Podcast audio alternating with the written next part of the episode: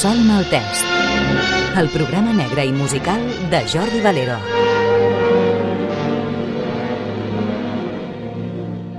Benvingudes i benvinguts al fascicle número 11 del Mussol Maltès, el primer de la segona temporada. En el món de la novel·la criminal hi ha escriptores i escriptors que en la seva vida personal han viscut situacions com les que descriuen en els seus llibres. Persones que han tingut relació amb delictes de sang. Avui, sota el títol genèric de Culpable, us parlo d'una reconeguda i multipremiada escriptora britànica de novel·la criminal que en la seva adolescència va ser declarada culpable d'assassinat. Una escriptora morta a l'abril de 2023, per la qual cosa aquest fascicle acaba de convertir-se en un obituari. Probablement haureu deduït que us parlo d'Anne Perry. Anne Perry va caminar pel costat fosc de la vida al igual que persones protagonistes de ficció del gènere noir, però només que ella ho va fer en la vida real. Lou Reed ho canta a Walk on the Wild Side. Jackie is just speeding away. Thought she was James Dean for a day.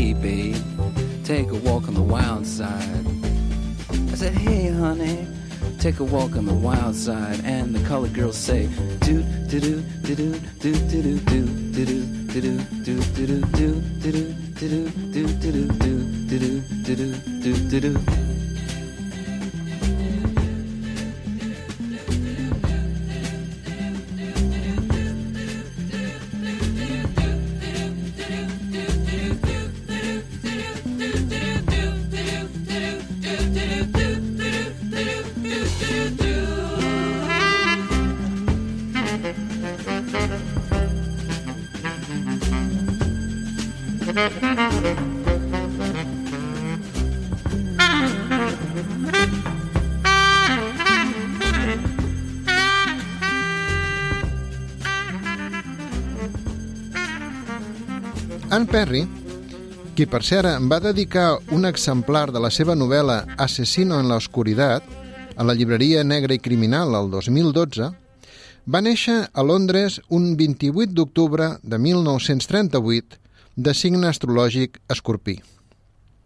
Va néixer a sent Juliet Marion Hulme i als 22 anys, vivint una situació especial i aprofitant que la seva mare s'havia divorciat i tornat a casar, decideix canviar el nom de Juliet per el Dan i agafa el cognom Perry del seu nou padrastre. Per tant, i contràriament a com creu molta gent, Anne Perry no és un pseudònim d'escriptora, sinó el seu actual nom real.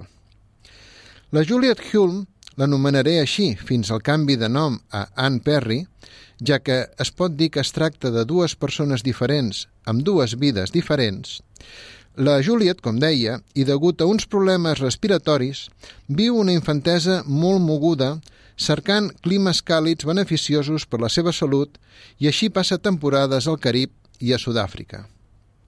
I quan té 13 anys, la família en ple es trasllada a Nova Zelanda, doncs el seu pare, metge de professió, aconsegueix el lloc de rector a la Universitat de Canterbury, a la localitat de Christchurch.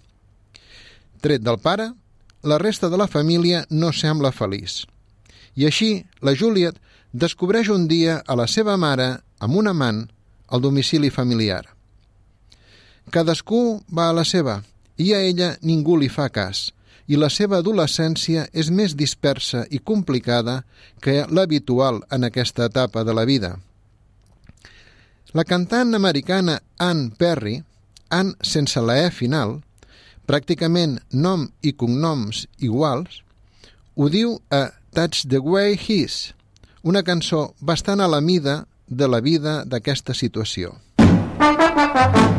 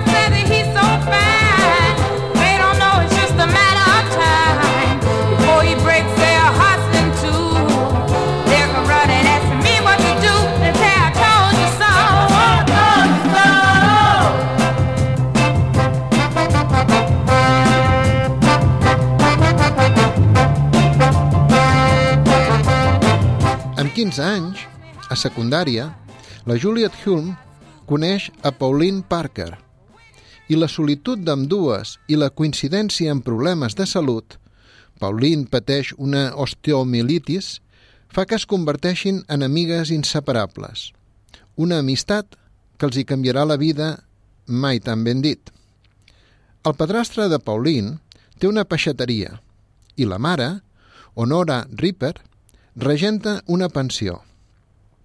L'excessiva càrrega de treball d'ambdós fa que Pauline, igual que Juliet, estigui moltes hores sola.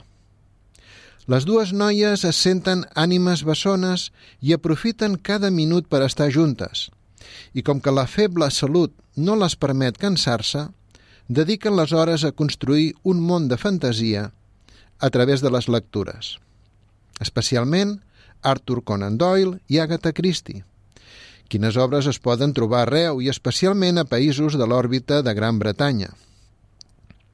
La relació entre les dues es va intensificant fins a tornar-se tan intensa que la mare de la Pauline la considera malaltissa i pecaminosa.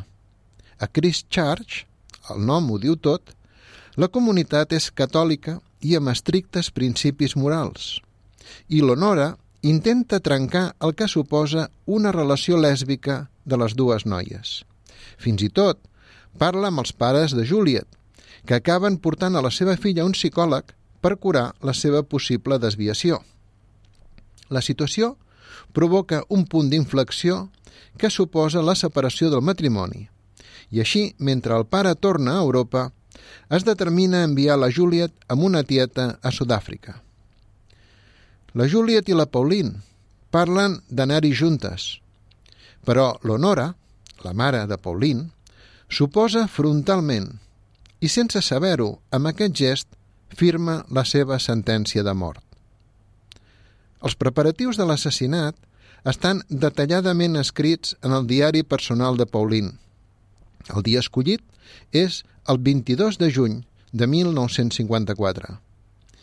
Aquell dimarts, la Juliet, la Pauline i la seva mare Honora passegen per Victoria Park. A les dues i mitja paren a dinar i en acabar continuen el passeig, arribant a un caminet solitari amb molta vegetació que porta a Port Hills.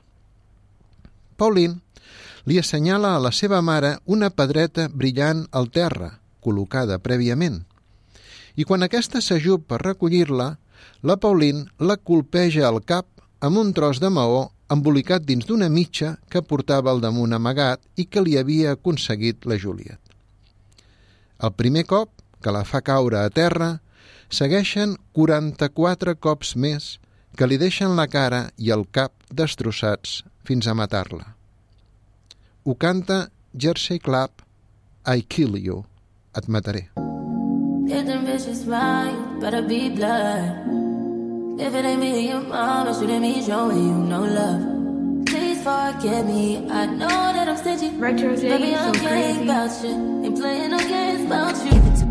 Get them bitches right, better be blood. If it ain't me, and your mama shouldn't be showing you no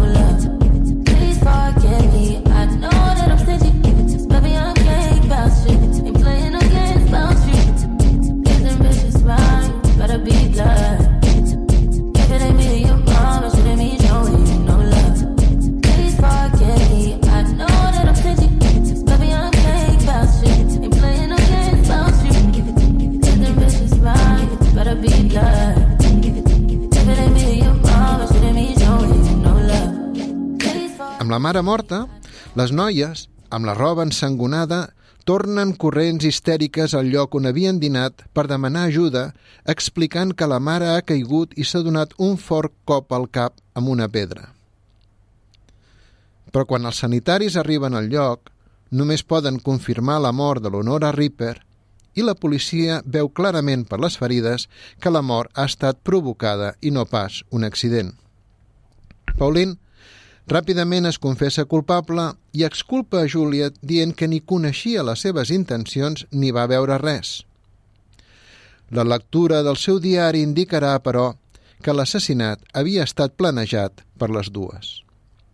La defensa argumenta trastorns psíquics fruit d'una irregular relació lèsbica que ni elles mateixes comprenen. En favor de Juliet, diu que estava malalta i que la medicació, un tractament experimental del que s'improvisava la dosi per desconeixença dels seus efectes, alterava el seu estat de consciència i la submergia en un garbuix emocional descontrolat, incapaç de discernir entre el que està bé o està malament. De res serveixen, però, les argúcies legals. Els fets són clars i la confessió inapel·lable. La sentència es fa pública el 29 d'agost i com que no se les pot aplicar la pena de mort per ésser menors d'edat, se les condemna a cadena perpètua a complir en centres penitenciaris diferents.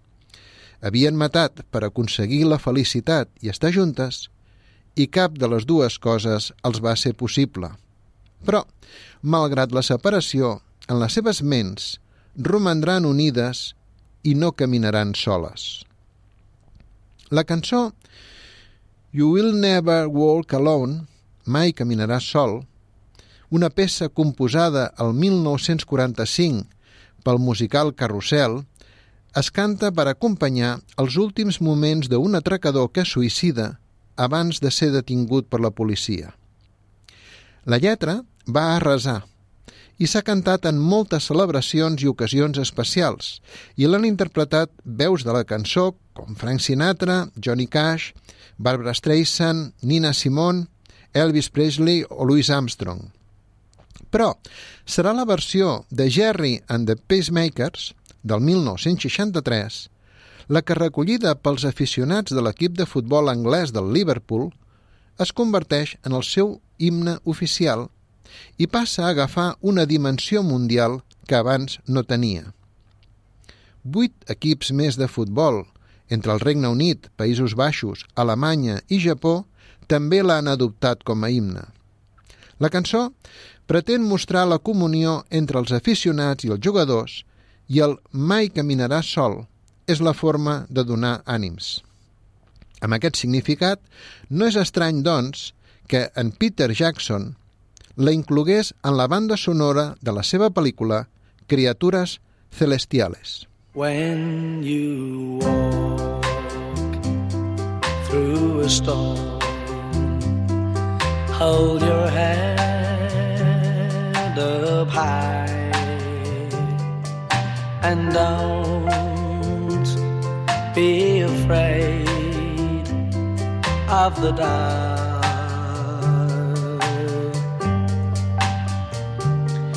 At the end of a storm,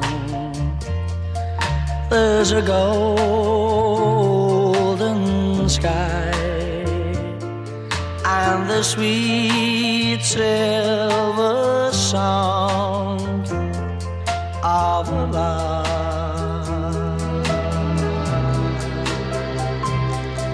Walk on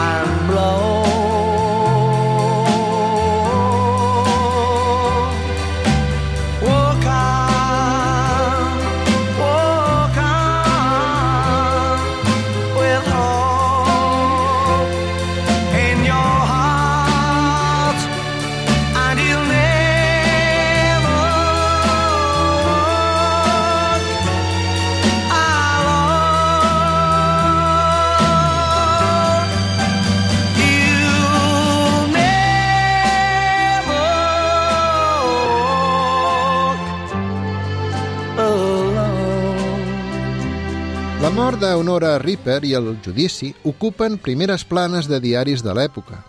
I així, el 1956, es publica la novel·la The Evil Friendship, la malèvola amistat, de Mary Jane Meeker, que és una versió fantasiosa de la història i centrada especialment en la relació entre Pauline i Juliet com una exaltació del lesbianisme del que la seva autora n'és una ferma defensora. Al complir cinc anys de presó, Pauline i Juliet són alliberades sota jurament de no veure's ni comunicar-se mai més. La decisió resulta molt controvertida atesa la poca condemna complerta i l'opinió pública fa sentir la incomoditat de forma molt beligerant, però no hi ha marxa enrere. Pauline estarà sota vigilància fins 1985 i en obtenir la llibertat completa abandona el país. Es canvia el nom de Pauline Parker pel de Hilary Nathan, es converteix al catolicisme actiu i actualment viu en un poble de Gran Bretanya. Ni s'ha casat ni ha tingut descendència. La Juliet, així que surt de la presó, el 1959, torna a Europa i passa per Roma, Gran Bretanya i Estats Units i Canadà fent diferents feines. El 1968 s'uneix a una comunitat mormona d'un poble d'Escòcia i aprofita per canviar-se el nom pel de Anne Perry. I amb el canvi, espera deixar definitivament enrere el seu passat sense sospitar que és una llargada ombra que mai desapareix. La macabra història també havia despertat l'interès del cine. Primer, el 1971, amb la pel·lícula francesa Menez-vous de livre pas du mal, i més tard, el 1994, és en Peter Jackson qui fa una versió molt personal, plàstica i emotiva amb la Kate Winslet i la Melanie Linsky i la titula Heavenly Creatures, criatures celestials. En la banda sonora del film trobem peces melòdiques, com la que hem escoltat abans, You Never Walk Alone, i també àries de famoses òperes com Tosca, La Bohème o Madame Butterfly, amb les que accentua el caràcter melodramàtic i tràgic de l'argument. Un argument basat en gran part en les anotacions del diari personal de Pauline Parker. Àries famoses com E luce van le stelle i les estrelles brillaven, de l'òpera Tosca, interpretada per Mario Lanza. És un cant a l'amor i a la vida en el moment de la mort.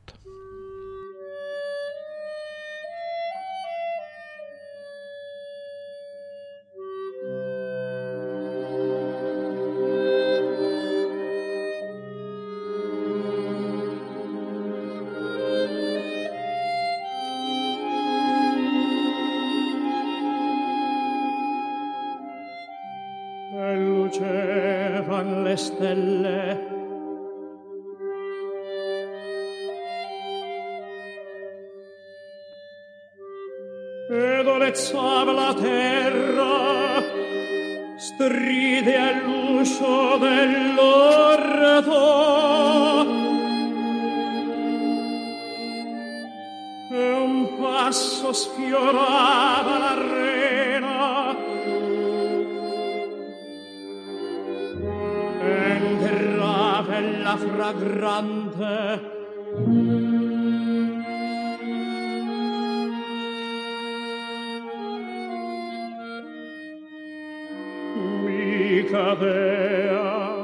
fra le braccia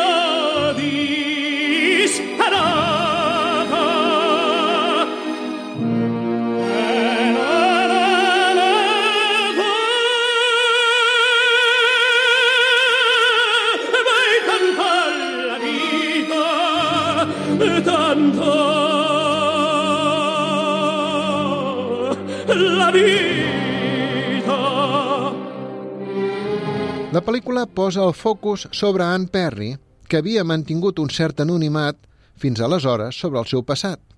I així que es descobreix qui és i què va fer, les vendes dels seus llibres cauen en picat i es desferma una persecució malsana per part dels periodistes per preguntar-li sobre la seva participació en l'assassinat i el seu empresonament, cercant el morbo sensacionalista. Això la porta a prodigar-se poc en mitjans i certàmens, a viure quasi reclosa a Escòcia i a concedir poquíssimes entrevistes per evitar que contínuament se li pregunti sobre el seu passat.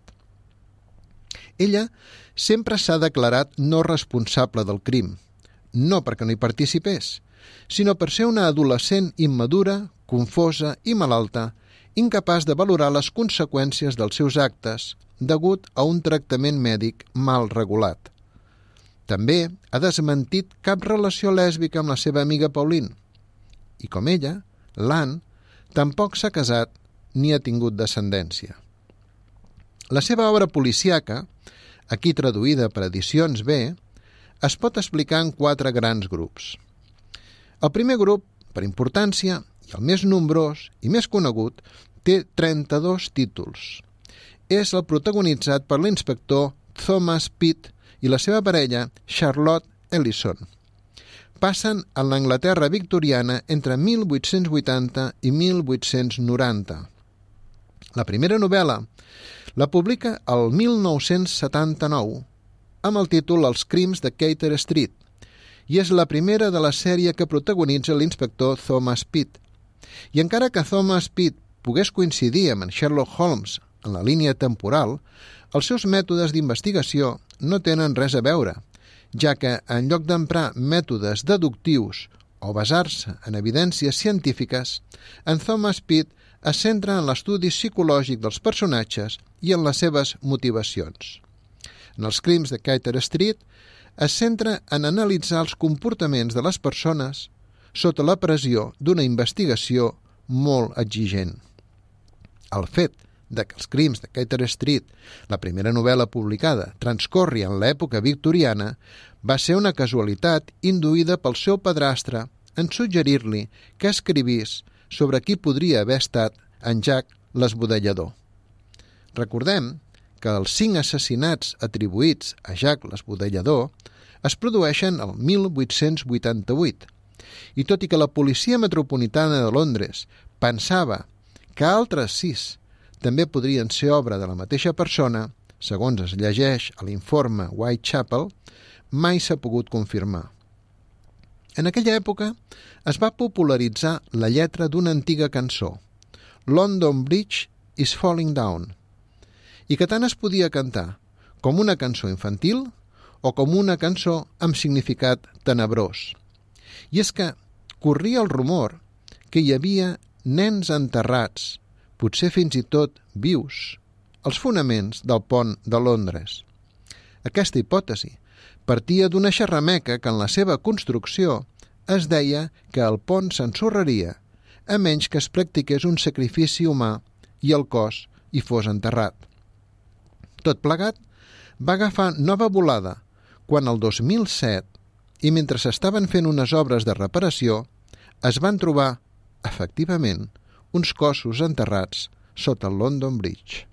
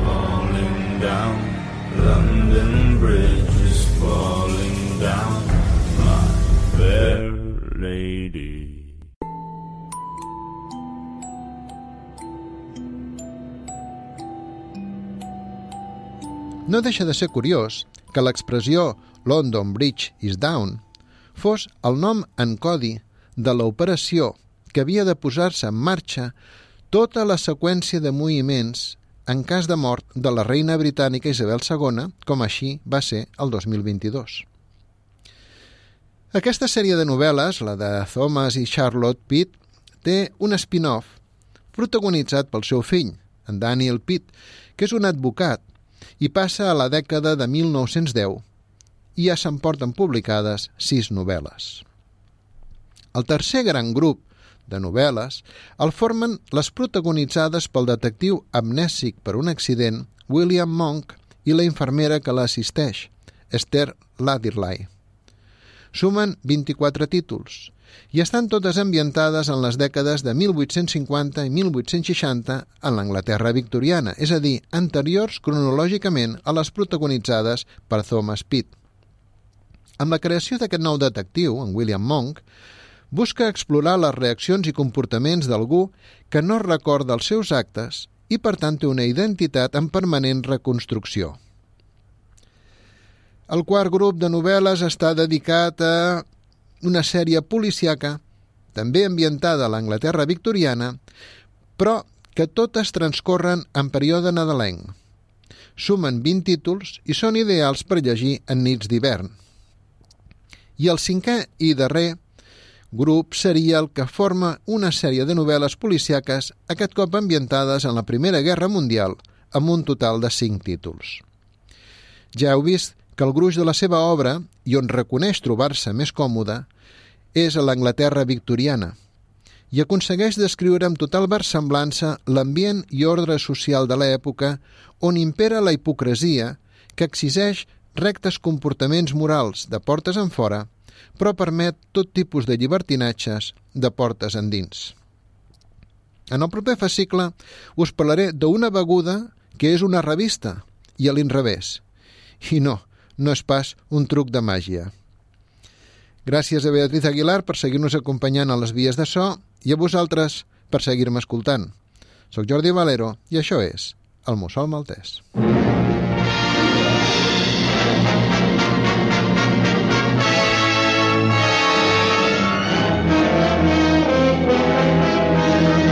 Recordeu que podeu escoltar tots els fascicles del Mussol Maltès a la web de Ràdio Sabadell 94.6 i també a les principals emissores de podcast. Per qualsevol comentari podeu adreçar-vos a jordivaleros.gmail.com